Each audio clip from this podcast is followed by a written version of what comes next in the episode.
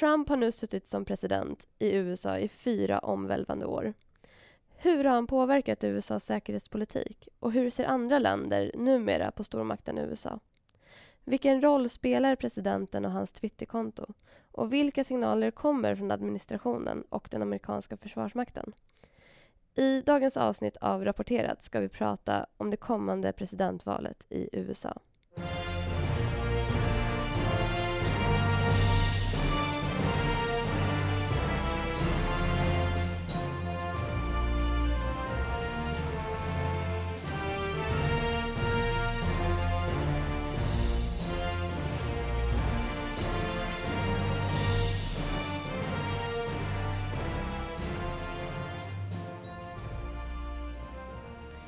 Välkomna till Rapporterat Björn Ottosson och Niklas Rosbach, USA-experter vid Totalförsvarets forskningsinstitut. Tack, tack. Tack. Vi ska gå rakt på sak. Jag tänker nu läsa upp ett antal påståenden som ni gärna får kommentera och resonera kring. Första påståendet. USA är ett mer segregerat land på grund av Trump. Ska jag börja, Björn? Ja, ja. ja. Um, Alltså segregerat är ju ett laddat begrepp som egentligen då talar om att man skulle vara så här rasåtskillnad och att det skulle vara en aktiv eh, politik som Trump-administrationen förde. Det är lite starkt. Det är kanske bättre att, eh, och kanske mer korrekt att säga polariserat, för det är en polarisering mellan olika grupper och i samhället. Um, så jag, om man skulle säga att USA är ett mer polariserat land på grund av Trump, eh, så kan man säga att det funnits skäl till att USA har blivit större inkomstklyftor, vilket kanske återspeglas i eh, spänningar mellan en del etniska grupper eller socioekonomiska grupper. Men eh, de här spänningarna kanske även skulle funnits hos en annan president, men han har på något sätt, om det varit de eh, alltså förutsättningarna, så är han den som har bidragit till att de kommit upp till ytan i, i en viss utsträckning, skulle jag säga. Eh, ja, man kan gå längre där och prata kanske om att det är mer partipolariserat. Att, eh, att eh, det, är en tydligare distinktion mellan Republikanerna och Demokraterna och partierna håller på att bli mer ideologiskt orienterade. Eh, medan det amerikanska folket, naturligtvis finns det mycket spänningar här mellan olika grupper men jag tror att under Trump-åren är det framförallt kanske den här partipolariseringen som har blivit väldigt, väldigt stark. Och det, det, det är också egentligen eh, fortsättningen på en trend som har pågått under en längre tid men den kanske har accelererat under Trump och han har ju också med sitt med olika utspel uh, kanske trampat på gaspedalen då kan man säga i det här. Gäller det även inom partierna, den polariseringen? Ja, jag vet inte. Det, man kan säga så här, att Trump har genomfört en slags revolution i det republikanska partiet. Eh, och eh, det finns ju de som sympatiserat med Republikanerna traditionellt, både sådana som eh, är våra motsvarigheter till Björn och mig i USA, som är säkerhetspolitiskt intresserade, som egentligen inte överhuvudtaget tidigt markerade att de inte ville ställa upp för en Trump-administration. Eh, men sen har ju han, Trump, eh, haft en väldigt stark kontroll över det republikanska partiet genom att eh, ja, olika typer av påtryckningsmedel mot olika kandidater, att han inte ska stödja dem eller han tydligt tar ställning mot dem, vilket skadat dem. Men det är ju en politik som ledande politiker alltid haft mot andra politiker, men han har lyft upp det och gjort det mer öppet. Eh, sen får vi se om det blir en kontrarevolution i det republikanska partiet ifall han inte skulle lyckas vinna det här valet. Eh, ja, man kan ju tillägga där att, att eh, det, man kan skilja mellan eliter och vanliga partisympatisörer här. Att det, det, är många eliter som har varit väldigt kritiska mot Trump. Men, men han har ju lyckats ganska förvånande bygga ett enormt stöd i den republikanska basen så att säga. Va? Så att han har ju rekordhögt stöd bland de människor som identifierar sig som republikaner. Och det, det kanske man inte hade räknat med ursprungligen då. Eh, sedan när man tittar på Demokraterna så, så är det ett parti som också, det finns en viss polarisering där med och det kunde man ju se då med eh, Bernie-väljarna och de mera eh, centrister då, mer traditionella demokrater som är mer frihandelsorienterade och, och, och, den här progressiva vingen som, som utkämpade en stor kamp under primärvalet, då, det demokratiska primärvalet. Trump har lyckats med att förbättra USAs ekonomi och få till fler jobb? Eh, ja, eh, statistiskt sett så, så kan man ju säga att det är så fram till pandemins utbrott. Sen är det ju ofta så när det kommer till ekonomin att, att presidenten, går det bra tar presidenten eh, åt sig äran så att säga för det och, och går det dåligt så får presidenten eh eh, eh, eh, skulden för det. Men, men ekonomin lever i mångt och mycket sitt eget liv. Men det är klart, eh, ekonomin var på uppgång när han tog över presidentskapet men sen också avregleringar, eh, skattesänkningar, reducerad företagsskatt och så vidare. Och många av de signalerna Trump sände att han var eh, businessorienterad och, och, och ville hjälpa både små, medelstora och stora företag och sådär eh, ledde till att, att ekonomin gick förvånansvärt bra då. Och, och, arbetsmarknaden var ju alltså, det var rekordlåg arbetslöshet fram till pandemin då mm. som har slagit hårt. En klassisk slogan från 1992 års val när Clinton vann är, är It's the economy stupid. Alltså att det handlade om ekonomin. Det var det mm. som var avgörande för att eh, tog man den på allvar och ansågs vara rätt person att hantera den, då skulle man vinna valet. Och det var Clintons slogan, It's the economy stupid. Och hade det varit eh, val innan covid i januari, då, och det hade varit frågan, då hade nog Trump vunnit. Men frågan är om den här eh, valutgången, om det här valet blir ett, eh, en folkomröstning om Trumps förmåga att hantera covid, mm. eller om det handlar om att han anses vara den som är bäst på att fixa USAs ekonomi när covid på sikt är över. Jag kan ju tillägga där att eh, när man frågar det amerikanska folket om vilken fråga som är den viktigaste nu inför valet så är ju ekonomi i en klass för sig. Så det är ju den viktigaste frågan. Det finns tydliga diktaturdrag hos Donald Trump och hans sätt att agera som president. Ja, här får vi väl bidra till att nyansera bilden av Donald Trump och eh, eh till skillnad från före Franklin Roosevelts presidentperiod på 30 och 40-talet är det till exempel nu lagstiftat att man bara får sitta två perioder och ibland när till exempel Donald Trump skämtar om en sån sak, att han skulle sitta in i oändligheten, så, så eh, klart, då trycker han ju på rätt knappar hos de som är känsliga för hans eh, retorik och eh, läser den bokstavligt så att säga, medan hans anhängare tycker att det är kul och fyndiga utspel. Sen är det naturligtvis, man ska inte underskatta kraften i språket och de begrepp man sätter eh, skulle ju kunna tolkas som ett sätt att, att leda in USA på det en del förknippar med en mörkare väg så att säga. Men samtidigt ska man också framhålla att en sån sak som tillsättandet av en enda domare i Högsta domstolen blir en sån otroligt stor fråga visar ju på att eh, det egentligen kanske inte är så särskilt stor risk för att det blir eh, diktatur i, i, USA eller att man ska eh, förknippa Trump med, med diktaturer. Men eh, om man tröttnat på cirkusdirektören Donald Trump eh, så kommer man att ersätta honom och många liknade honom ju tidigt vid den här klassiska amerikanska cirkusdirektören P.T. Barnum eller vad han nu hette som var bra på att locka in folk i cirkustältet fast folk redan då förstod att allt han lovade skulle finnas där inte skulle riktigt finnas i verkligheten. Men eh, den aspekten av amerikansk politik finns och amerikanska väljare kan se igenom den men ändå rösta på en sån kandidat för att de vill ha något annat eller något spännande. Ja, jag, jag tänker att det här är att man går väldigt, väldigt långt. Mm. Att använda ett ord som, som diktator eller diktatur i, i, i det här sammanhanget. Och det här reflekterar ju också den polariseringen som finns. Och, och, och, inte minst i media då som till stora drag är väldigt Trump-kritisk. Eh, och, och, det är klart att Trump, alltså det, det, finns ju en slags personkult kring Trump och han tar ju otroligt mycket stort utrymme i media, hans person. Va? Och då, då, då kanske många, det går ju föra, som tankarna förs till idéer om en stor ledare och sådär. Så det är väldigt fokus på hans person. Men det är ju så att eh, USAs institutioner är robusta.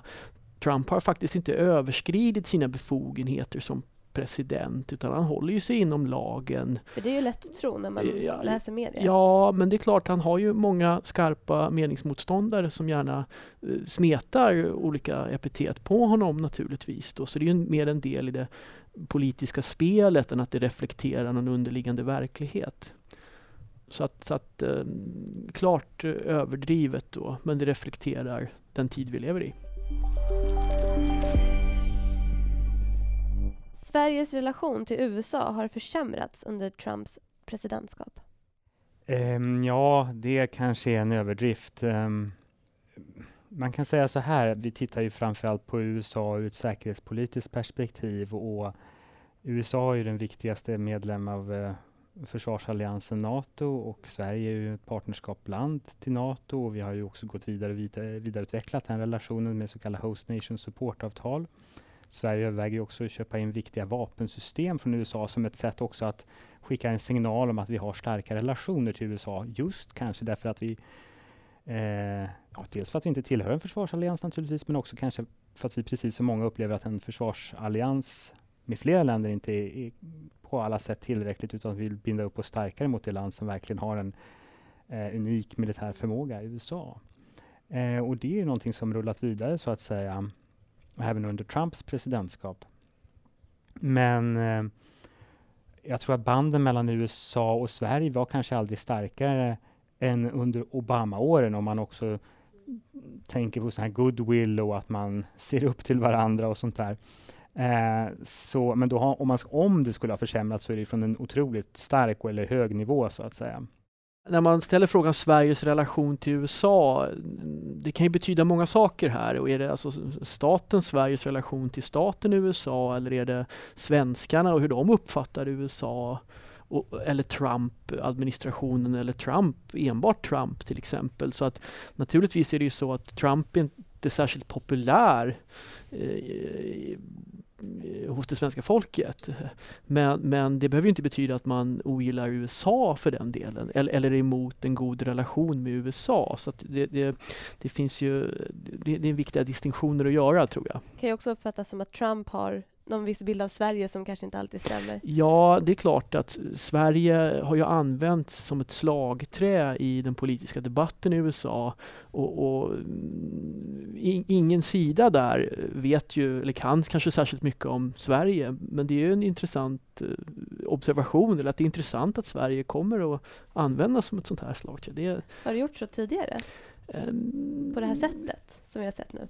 Kanske inte i den här utsträckningen och inte heller... Och ofta har ju Sverige i sådana fall kanske porträtterats mer som ett ideal kanske. Men, men, här nu har ju Sverige fått ikläda både rollen som, som ett, ett gott exempel men också ett dåligt exempel då och det kanske är lite nytt.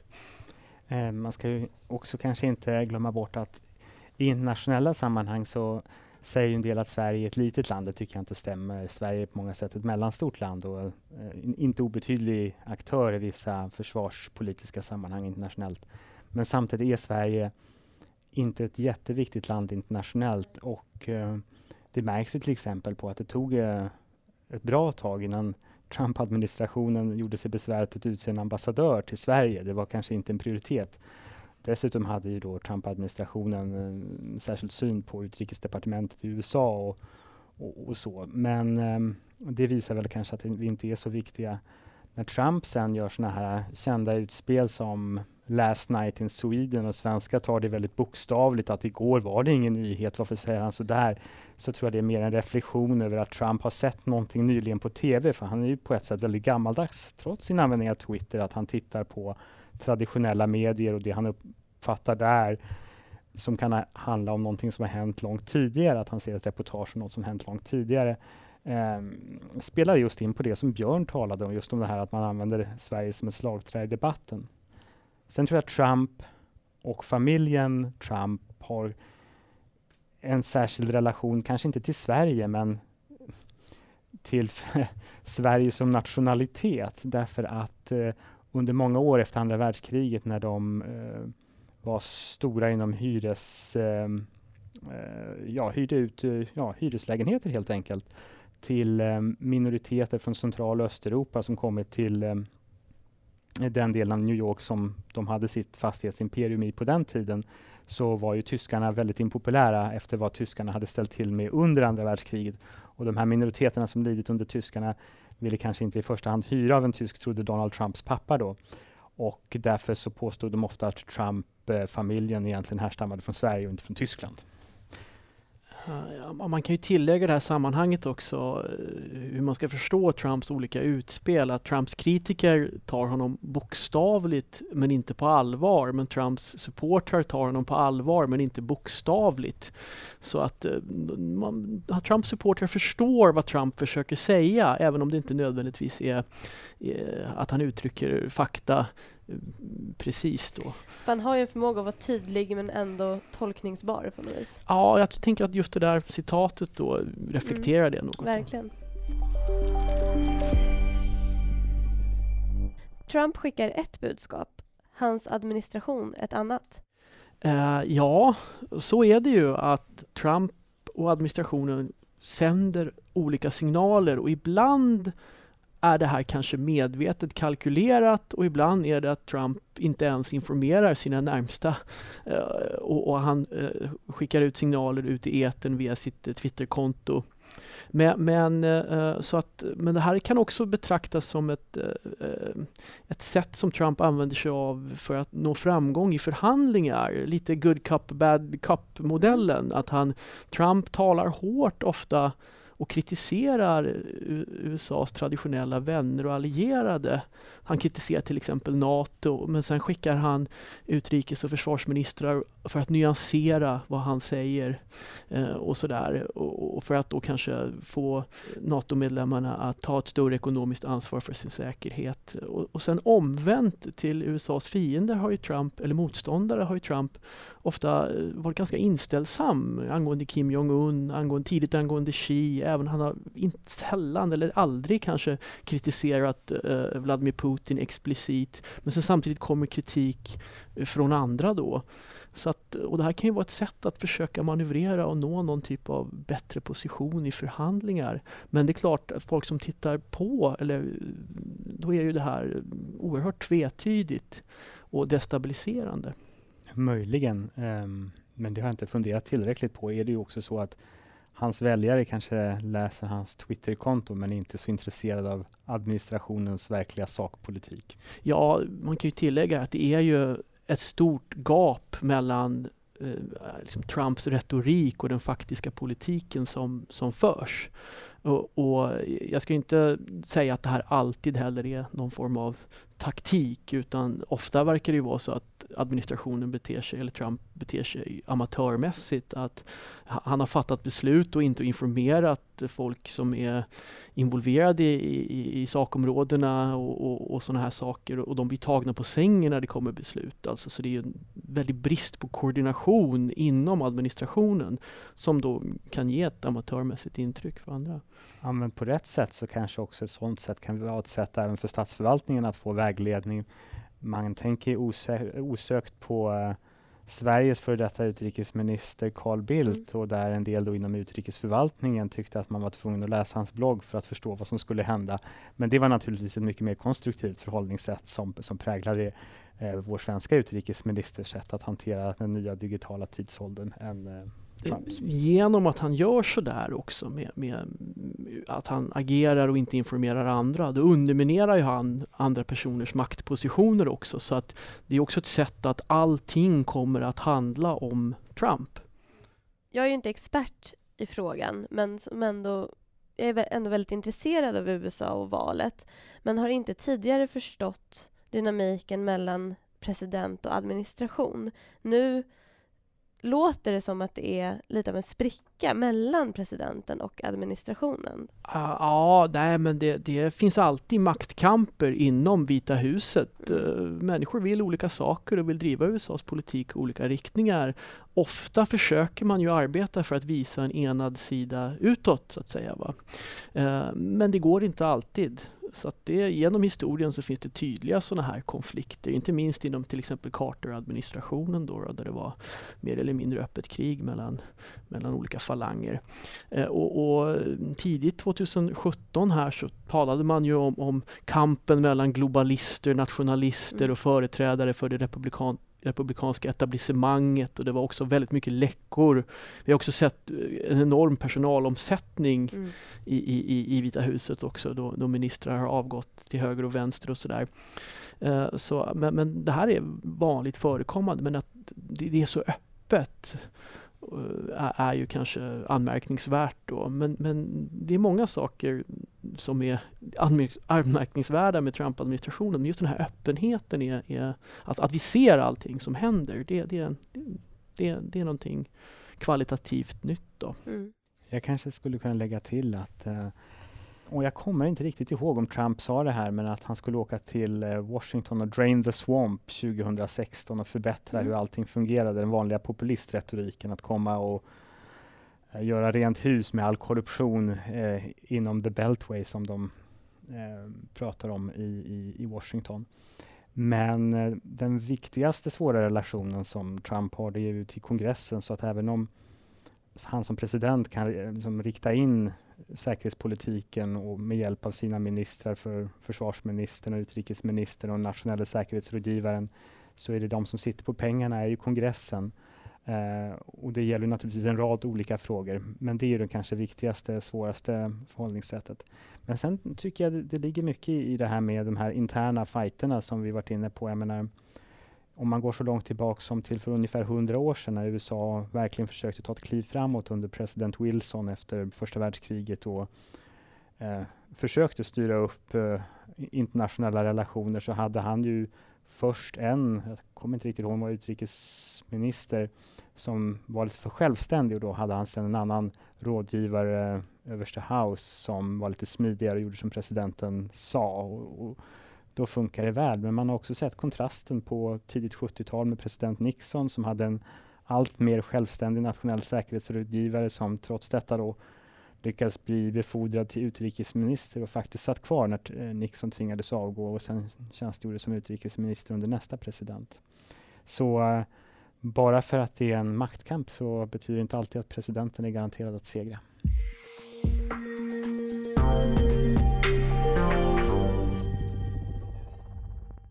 En del beskriver årets val som oerhört avgörande. Det är som att landets identitet står på spel. Men är det inte så inför varje val?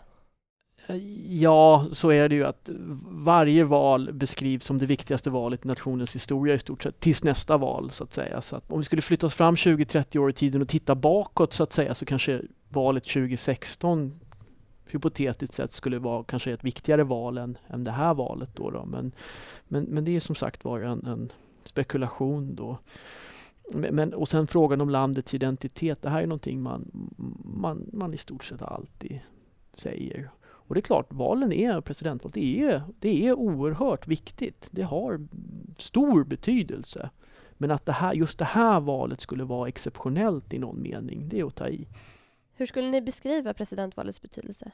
Ja, alltså för ur ett säkerhetspolitiskt perspektiv, eftersom presidenten har så stor inflytande över försvarspolitiken och utrikespolitiken, så är det oerhört viktigt och påverkar ja, dig och mig och Björn och alla andra i resten av världen i en högre utsträckning än en del andra amerikanska val, så att säga. Till exempel till senaten eller interna utväljanden, kanske man ska säga, av domare till Högsta domstolen. Men eh, ur den perspektivet och särskilt efter att USA, USA blev en uh, stormakt och sen en supermakt så är presidentens roll väldigt viktig och har också blivit viktigare under det förra seklet eftersom det har varit ett sätt att kunna hantera den här ökade rollen internationellt. Men det kan man väl lägga till också att, uh, precis som Björn var inne på, det är också en signal till omvärlden uh, när man väljer president och, och, vad han står för och det påverkar också landets identitet och hur han pratar, som vi pratade om tidigare, hans retorik eh, påverkar USAs soft power, den här lite mer svårmätbara förmågan att kunna påverka andra, till exempel med eh, olika typer av mjukare maktmedel, icke-militära maktmedel, men även ekonomiska mak maktmedel, men, men inte militära maktmedel. Och den soft powern försvagas ju om man har en eh, president som har en stor distans till omvärlden som Trump har. Även om presidentens eh, eh roll eh, är mycket friare i utrikes och säkerhetspolitiken än vad han är rörande inrikespolitiken så är det ju ofta så att presidenten är, det finns ett slags utrikespolitiskt etablissemang kan man säga som har stort inflytande på, på hur utrikespolitiken formas. Eh, och, och, som en generell observation så, så, finns det nog mer kontinuitet i utrikespolitiken än vad många eh, vill göra gällande. Man kan väl se det som att det kommer en, eh, som det hette förut i landsbygden, en sån biblioteksbuss och eftersom de som sköter biblioteksbussen, det här etablissemanget som Björn pratade om, bestämmer liksom vilka böcker som ska finnas där. Så när presidenten kommer dit och ska välja sin typ av policy eller så, sin typ av bok från den här eh, biblioteksbussen så, så måste han ju välja något som redan är utformat av någon annan, redan skrivet av någon annan. Finns det något så påtagligt exempel på när presidentens makt inom säkerhetspolitiken blir extra påtaglig? Jag skulle kanske kort kunna säga att det som presidenter ofta för, förknippas med är utrikespolitiska eller säkerhetspolitiska äventyr och då framförallt stora militära operationer. Och där har det ju eh, ofta funnits försök från kongressen att lagstifta för att så att säga försöka fjättra den amerikanska presidentens eh, möjligheter att kunna gå in eller föra in den amerikanska militära makten i olika typer av konflikter. Det, det är väl ofta det man förknippas med. Jag Bush för omvärlden blev ju väldigt förknippad med insatserna i Afghanistan och Irakkriget naturligtvis. Även om knäckfrågan för den amerikanska befolkningen var hans misslyckade krishantering av Hurricane Katrina, den här orkanen som drabbade Louisiana det var tror jag det som gjorde att man brast i förtroende för honom. Men um, jag tror framförallt när det gäller säkerhetspolitik så är det stora militära insatser. Ja, det är speciellt i de här ögonblicken där beslut fattas. Att, eh, en av George W. Bushs böcker heter ju just Decision Points då, att just de här ögonblicken när man fattar beslut som har oerhörda konsekvenser. Men sen kan det ju finnas att det är en rad underliggande orsaker och strömningar och faktorer som har lett fram till den punkt man är på mm. som presidenten kanske inte har så mycket kontroll över. Men just i de här beslutsögonblicken, där, där blir ju presidentens makt tydlig. Det pratas om eh, Pax Americana när man pratar om säkerhetspolitik. Vad är det? Pax Americana det är ett sånt här begrepp som en del har använt genom tiderna för att beskriva USAs makt och inflytande globalt. Eh, både på det mm, militära området, man har ju hundratals baser runt om i världen, stora och små, som bidrar till möjligheter till övervakning, underrättelseinhämtning och att kunna göra större militära operationer från några av sina högkvarter till olika platser som just Mellanöstern och så vidare.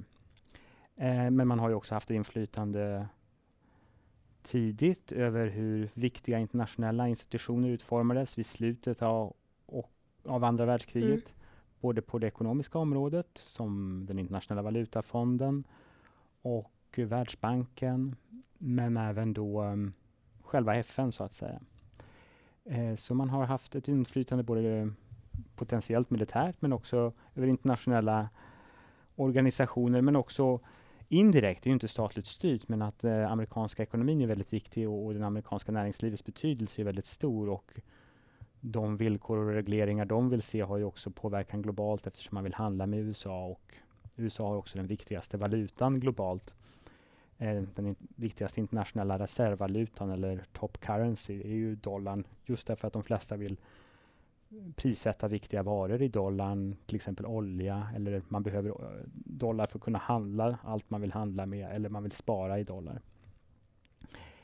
Eh, och det gör också USAs stat ett stort inflytande internationellt eftersom man kan trycka mycket av den här valutan om så krävs för att använda för att bygga upp försvarsmakt och annat. Och allt det där tillsammans eh, gör att man kan prata om en makt som har nästan ett eh, imperialistiskt inflytande om man då är framförallt kanske lite USA-skeptisk så använder man gärna begrepp som Pax Americana. Jag vet faktiskt inte riktigt exakt när det dök upp. Jag förmodar att det var på 50-talet. Och det kan bero på att det var ungefär då som USA tog över en ledande global roll från den tidigare viktigaste landet, Storbritannien, som hade det brittiska imperiet, som fram till andra världskriget egentligen var tongivande och tills dess också säkerställde att mycket handel och sjöfart kunde segla eh, obehindrat världen över, precis som USA bidrar till att skydda transporter internationellt idag. Eh, så för hundra år sedan så pratade man Pax, om Pax Britannica mm. som någonting väldigt positivt och eh, en del kanske också pratar om Pax Americana som, som positivt, men jag tror inte så många presidenter direkt skulle vilja ta begreppet i sin mun. Vi pratar ibland om eh, en amerikansk eh, världsordning istället och vi i Sverige kanske föredrar att kalla det här styrsystemet som vi haft sedan slutet på andra världskriget. Eh, antingen en amerikansk världsordning eller en internationell regelbaserad ordning. Ja, jag, jag tänker ju att eh, i den amerikanska identiteten vill man inte gärna se sig själv som en imperiemakt så att man undviker då kanske det begreppet och kanske hellre använder då den amerikansk ledda regelbaserade liberala ordningen eller något sånt där. Men det är det man försöker fånga då eh, med det här begreppet. Man kan lägga till att när presidenten ansågs alltför självsvåldslig som under Vietnamkriget under Lyndon B Johnson men även under hans efterföljare Nixon så pratade man då också om the imperial presidency därför att presidentmakten hade approprierat eller tagit över så mycket makt eller beslutsfattande och centrerat det till Vita huset. Men det pratas ju nu om att ja, den här världsordningen då är hotad på grund av Trump. Stämmer det? Ja, det stämmer delvis. Jag tror att därom tvister det lärde det används ju många eh, överord om Trumps eh, utrikes och försvarspolitik. På ett sätt eh, har han ju inte alls gjort det som de många befarade eh, 2016, att han bidragit eh, till konflikter eller använt sin retorik eh, på ett sätt som gjort att eh, tvister med andra länder spårat ur eller att de skulle leda till stora omfattande militära insatser. Eh, Trump var kritisk till stora insatser, även Irakkriget och sånt tidigare. Och där har han faktiskt varit konsekvent och inte dragit in USA i sånt som då faktiskt skulle kunnat försvaga USA, precis som Afghanistankriget och Irakkriget kan sägas ha eh, försvagat eh, USA. Um, men samtidigt så har ju hans retorik också drabbat eh, allierade i en stor utsträckning. Eh, det har varit ett sätt eh, att ställa krav på allierade, men man ska väl också säga det att eh, USAs stora fördel jämfört med revanschistiska stormakter som Kina och Ryssland som vill förändra den här eh, internationella regelbaserade ordningen. Eh, de har inte så många allierade. Eh, och USAs stora fördel framför dem har ju varit att ha många allierade både i Fjärran Östern men även i Europa. Och det kanske då Trump eh, har bidragit till att eh, försvagar försvaga de relationerna lite grann. Men där kan man inta lite olika perspektiv. Eh, så ja, han är inte han är inte det vad de flesta skulle önska sig för att stärka den amerikanska världsordningen. Just också eftersom han försvagar internationella institutioner som är en förutsättning för att man ska ha en fungerande eh, regelbaserad internationell ordning. Ehm, eh, men vad tänker du, Björn? Ja, dels eh, handlar väl det här också om, om, om, Trump är en orsak eller ett symptom på underliggande förändringar. Och, eh, man, det finns ju de som hävdar att stora, breda multilaterala institutioner kan endast ledas, bevaras och byggas upp av en stark makt. Och tittar vi på den liberala Eh, eh, USA-ledda ordning. Den byggdes ju upp efter andra världskriget av USA när USA var oerhört mäktigt i relation till andra stater. Och när USAs makt krymper i relation till andra då blir det ju svårare att upprätthålla den här ordningen och bevara den. Incitamentstrukturerna förändras och nya framväxande makter börjar ifrågasätta den här ordningen och, och, det, och då gör det, det blir dyrare att upprätthålla ordningen och det inhemska stödet att ta de här kostnaderna för att bevara ordningen stiger. Och att Trump nu då när USAs makt är på nedgång relativt, att Trump nu dyker upp och ifrågasätter den här ordningen något och säger att, den här, att upprätthålla den här ordningen, det är för dyrt. Vi måste omförhandla den så den ligger mer mm, i linje med USAs intressen och så här. Det, det kanske inte är så, så förvånande. Eh, och, och och eh, då är det ju så att i den här omförhandlingen så, så, så tänker Trump-administrationen sig att alla de här framtida vinsterna den här ordningen lovar, de kanske inte kommer materialiseras. Så att vi vill ha, nu talar jag för Trump-administrationen, de vill ha eh, mer konkreta vinster här och nu. Och då uppträder då administrationen mera transaktionalistiskt då, att man, man byter varor och tjänster eh, på, ett, på ett mer tydligt sätt än vad andra administrationer har gjort. Man kanske ska säga, för att spinna vidare på det som, som Björn sa, så ska man kanske inte förvänta sig bara för att vi har en, skulle få en demokratisk eh, president, alltså det vill säga eh, en president från det demokratiska partiet, så är det kanske inte så lätt att säga att nu ska allting tillbaka som, till precis som det var innan. Eh, att allting ska bli normalt eh, med citattecken igen, att det ska bli som det var förr. Eh, jag tror Biden kommer ta över en del av de eh, inriktningar som, som Trump har börjat med, just genom att tydligt peka ut Kina som ett problem. Eh, och det har ju tidigare administrationer tänkt att de skulle göra. Clinton tänkte göra det, men tyckte det var viktigare att samarbeta med Kina för att kunna gynna den amerikanska ekonomin. Bush-administrationen i början på 2000-talet tänkte också ta itu med Kina, men behövde ta itu med terrorismen istället. Och eh, så många tidigare har haft en tanken och uh, nu är det ju viktigare än någonsin eftersom Kina blir mer och mer utmanande mot västvärlden och där har ju Trump uh, tryckt på för tuffare tag gentemot Kina och också administrationen har tryckt på för att EU och europeiska länder ska uppmärksamma problem som, som Kina för med sig. Det är framförallt tydligt då att de, länder gör ett ställningstagande när de väljer vilken typ av 5G-system de, mm. Eh, de väljer.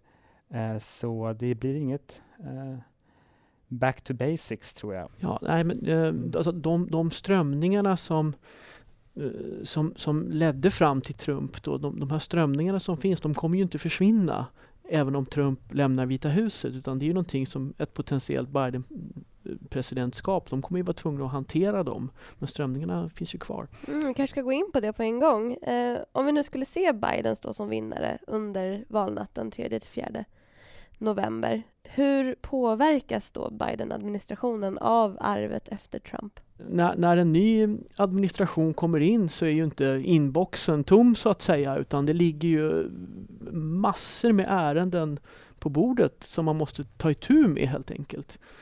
Så att man får ta vid där, Trump, där Trump-administrationen lämnar så att säga. Va? Så, så det går inte att starta från, från scratch.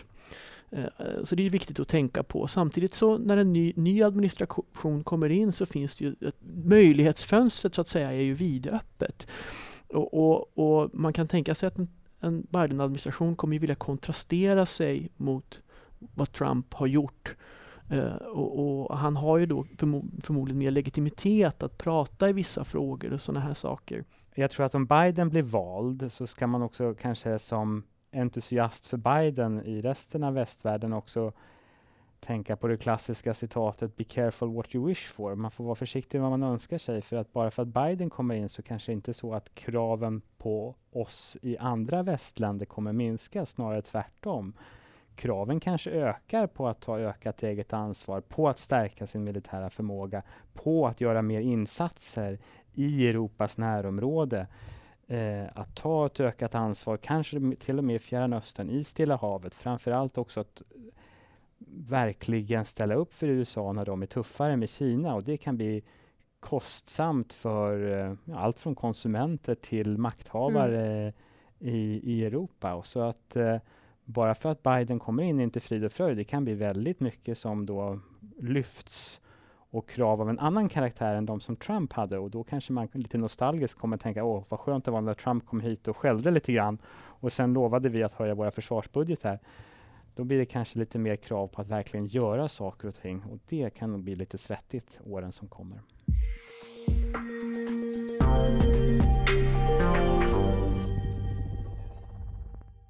Björn, vad tror du är det första Biden kommer göra som, om han blir president? Eh, ja, nej, men jag, jag, tror ju att först tror jag vi kommer se eh, olika typer av utspel eh, som beskriver Trump-administrationen i termer av en anomali och att nu ska USA återgå eh, till att vara ordningsbyggande, ordningsbevarande igen och han kommer då tala om USAs globala ansvar och han vill ju återuppbygga respekten för, för amerikanskt ledarskap. Så att han kommer prata om mänskliga rättigheter, värde, amerikanska eller liberala fri och rättigheter mm. och sådana här saker. Han kommer lyfta fram miljön också. Ja. Ehm, men just att kontrastera sig mot Trump-administrationen tror jag kommer vara väldigt tydligt och, och, då försöka, nu börjar vi på en ny kula här och då, då kan han använda det till sin fördel i de kommande förhandlingarna då. Och vilka scenarier kan vi se framför oss om Trump istället blir vald till president igen? Ja, om Trump blir återvald så får vi ju eh, mer av samma sak som vi sett de senaste åren. Um, så på det sättet så blir det kanske då fortsatt tuffa tag med Kina, precis som om Biden då skulle bli vald.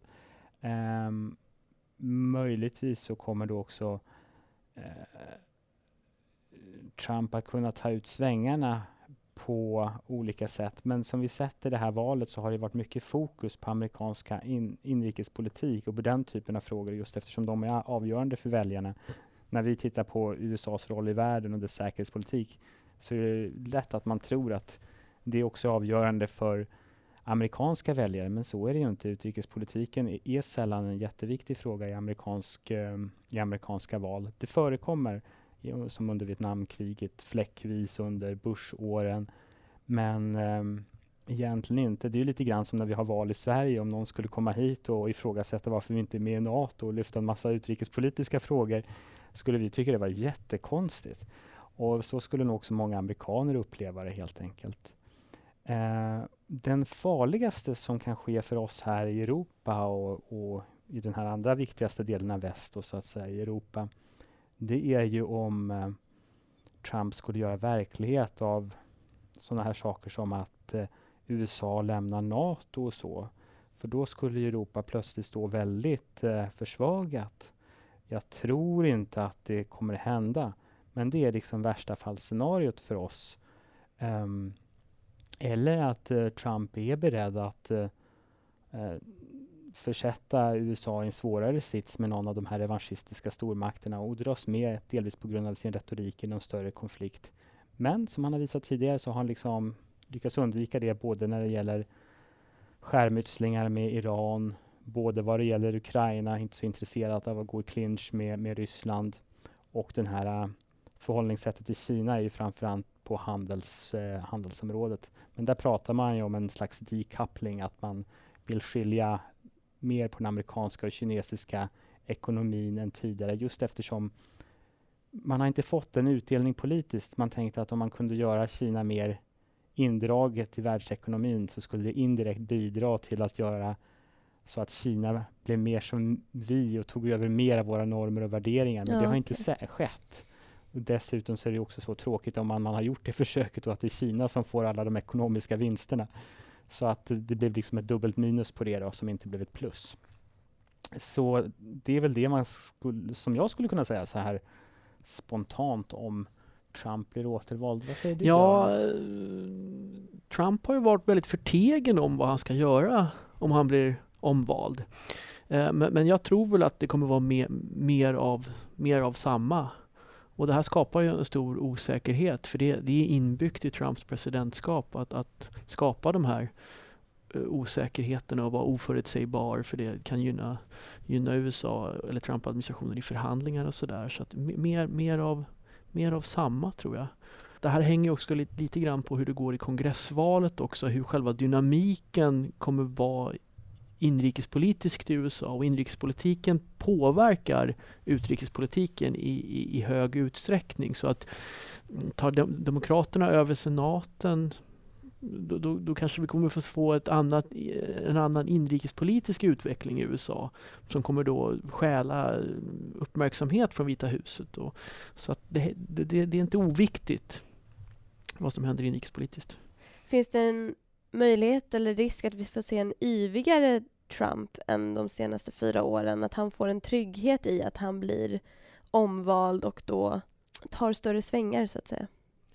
Eh, ja, ofta talar man ju om när presidenter inte längre behöver bekymra sig om om, om, om det framtida valet så att säga så blir de då unleashed. Va? De, de, nu kan vi få se deras sanna ja och sådär. Men, men, men Trump, det är inte så att han har uppträtt direkt tyglat innan. Så, så, att jag, jag, tror att vi, vi har, han, han har blottat nog ganska mycket om vem han är och vad han vill och sådär. Så, så att jag, jag, jag, tror att vi kommer få se mer av, av samma än att det skulle dyka upp en helt ny version av Trump eller Trump 2.0 då. Jag, jag tror inte riktigt på det. Om ni får tänka fritt. Hur ser USA ut om fyra år beroende på vem som tar hem det här? Ja, hur USA ser ut om fyra år, det beror ju som sagt, som Björn varit inne på tidigare, på många saker. Det beror ju på hur ekonomin går. Det är också väldigt avgörande för hur man uppfattar presidenten, som, som Björn sagt tidigare. Man kan ju till exempel säga att eh, presidenter som hamnat i kläm, som Nixon gjorde till exempel på grund av eh, illegala inbrott och så hos politiska rivaler. Eh, och där han så att säga eh, hjälpte till att dölja vad som hade hänt ledde ju till att han tvingades avgå. Men bakgrunden var ju också att USAs ekonomi dippade något alldeles förfärligt under hans andra mandatperiod.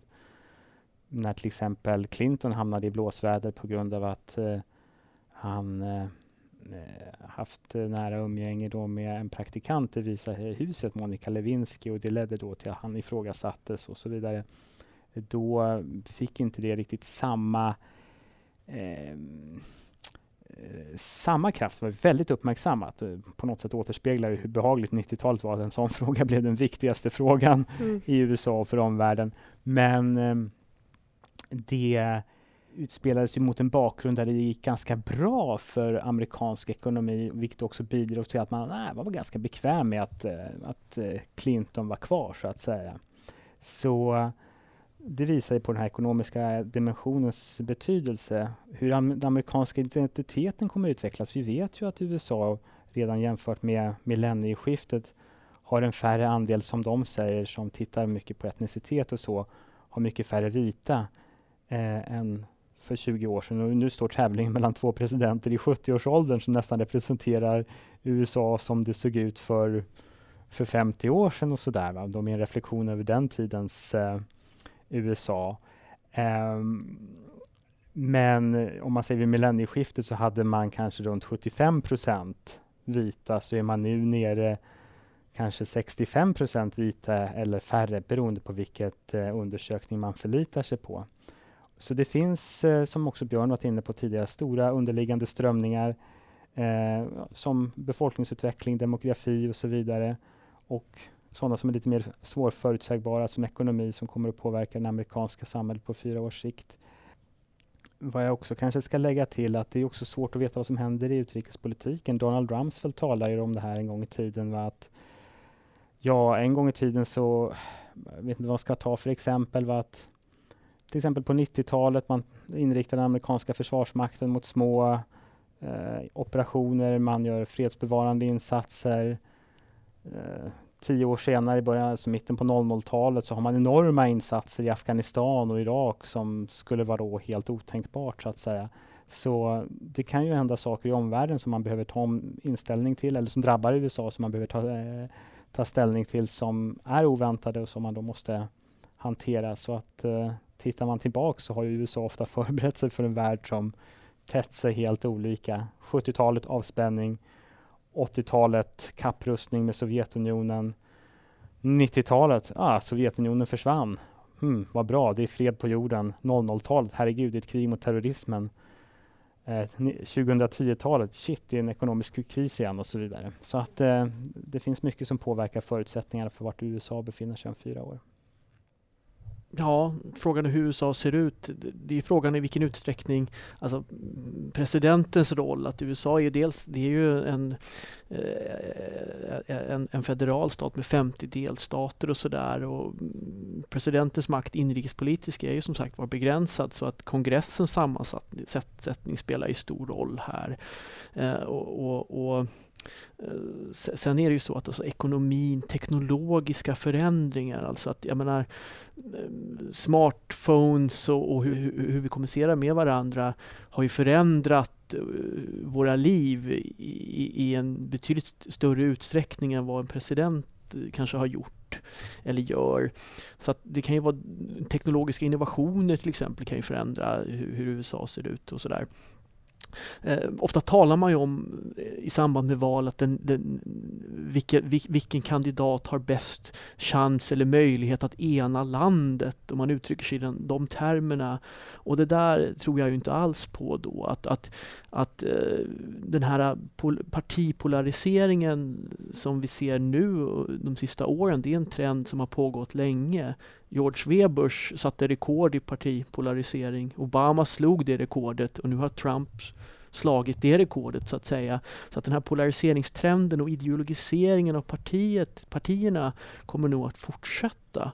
Så, så att eh, vi kommer nog se ett väldigt eh, hårt eh, partipolitisk förbittring under de kommande fyra åren oavsett vem som, vem som vinner. Ehm, att, att tänka på. Då. Och, och, det återknyter ju lite till de, de poängerna jag gjorde tidigare, att de här strömningarna, de finns där och, och de, det är ingenting som en president styr över, utan det är snarare någonting som en president är tvungen att försöka hantera helt enkelt. Det, det är få ämnen som det spekuleras så mycket kring som det amerikanska valet. Eh, och nu när vi är inne på slutspurt orten? Har ni några tips på källor eller var, var kommer ni följa valet någonstans? Jag tycker ju att den här um, Pew Research, PEW, som gör statistiska undersökningar framför allt och, och är ganska så respekterad um, institution, har uh, intressant material och intressanta undersökningar Eh, de har ju också naturligtvis, som vi har inför svenska val, en sån här eh, frågebatteri som man kan titta på. Eh, och för att hjälpa amerikaner då avgöra hur de skulle kanske kunna tänka sig att rösta. Det är så här, var står du? Eh, quiz eller så här. Och Pew har ett sånt, jag tror på 17 frågor, det finns andra säkert som är mer omfattande och djuplodande. Men eh, sådana saker kan vara roliga att titta på till exempel. Det finns ju också en del spel till iPad och sånt där som man kan spela de olika kandidaternas kampanj och så. Vet inte om jag skulle hänvisa till det som en seriös källa till, till undersökningar, men det, det är sånt som ändå um, kan vara lite eh, kittlande för de som är väldigt USA-intresserade och, och, vill följa inrikespolitiken genom att själv liksom försöka lägga ett pussel som optimerar det för deras kandidat. Eh, andra källor naturligtvis, jag tror det är väldigt viktigt att titta på internationell medias rapportering av, av Trump och att eh, svensk media eh, är väldigt bra i, i mycket av sin internationella bevakning.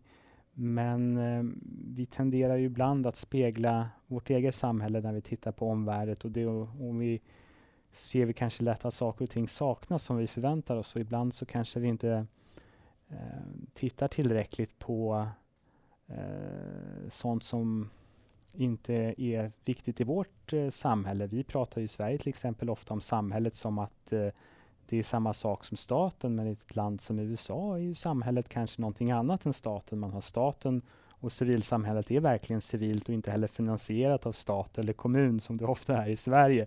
Där har man kanske mer av ett genuint eh, civilsamhälle. Och det är väl sådana saker som kan vara intressant att uppmärksamma. Men nu börjar jag hamna en bit bortanför din fråga. Så internationell media man ska titta på? Ja, men även om man tittar på eh, en del ledande amerikanska tidningar som nu tyvärr ligger bakom betalningsvägg som eh, New York Times, så är den ju väldigt intressant. Det är ju som en slags extremt bra version av eh, Sveriges DN, men på det sättet också kanske en tidning för de som redan står väldigt långt åt mitten så att säga och kanske inte heller ger en bild av de som kan tänkas rösta på på Trump eh, och eh, vart man ska fånga förståelsen för dem kanske man nästan får gå till litteraturen och den typen av böcker. Och I så fall är det en bok som är några år gammal som jag skulle vilja rekommendera eh, som jag kan lägga till senare. Um, För jag tänker alltid att jag ska komma ihåg vad den heter, men det gör jag inte. Den ser vi till att länka till på vår eh, podcastsida Precis, såklart. vad bra. Ja, jag, jag skulle väl säga direkt att, att man ska nog inte förlita sig på en källa här utan eh, massmedia befinner sig i kris i USA och massmedia befinner sig i kris i många andra länder också. Och, och det är oerhört polariserat eh, och, och eh, det är väldigt lätt att man kan hamna i, i stuprör eller i bubblor. Så att det kan nog vara bra att försöka helt enkelt titta på fler källor som beskriver saker och ting ur flera olika perspektiv. Och om jag ska nämna en källa då så är det kanske då Real Clear Politics som är en portal som är en slags nyhetsaggregator som då länkar till eh, noga utvalda artiklar eh, som, som reflekterar båda perspektiven eller båda partiernas ståndpunkter på ett sympatiskt sätt. Då. Och den hemsidan har ju också, eh, den tar många opinionsundersökningar och aggregerar dem då. Eh, så att man kanske får eh, en klarare bild eftersom en enskild opinionsundersökning kan ibland slå, slå fel då.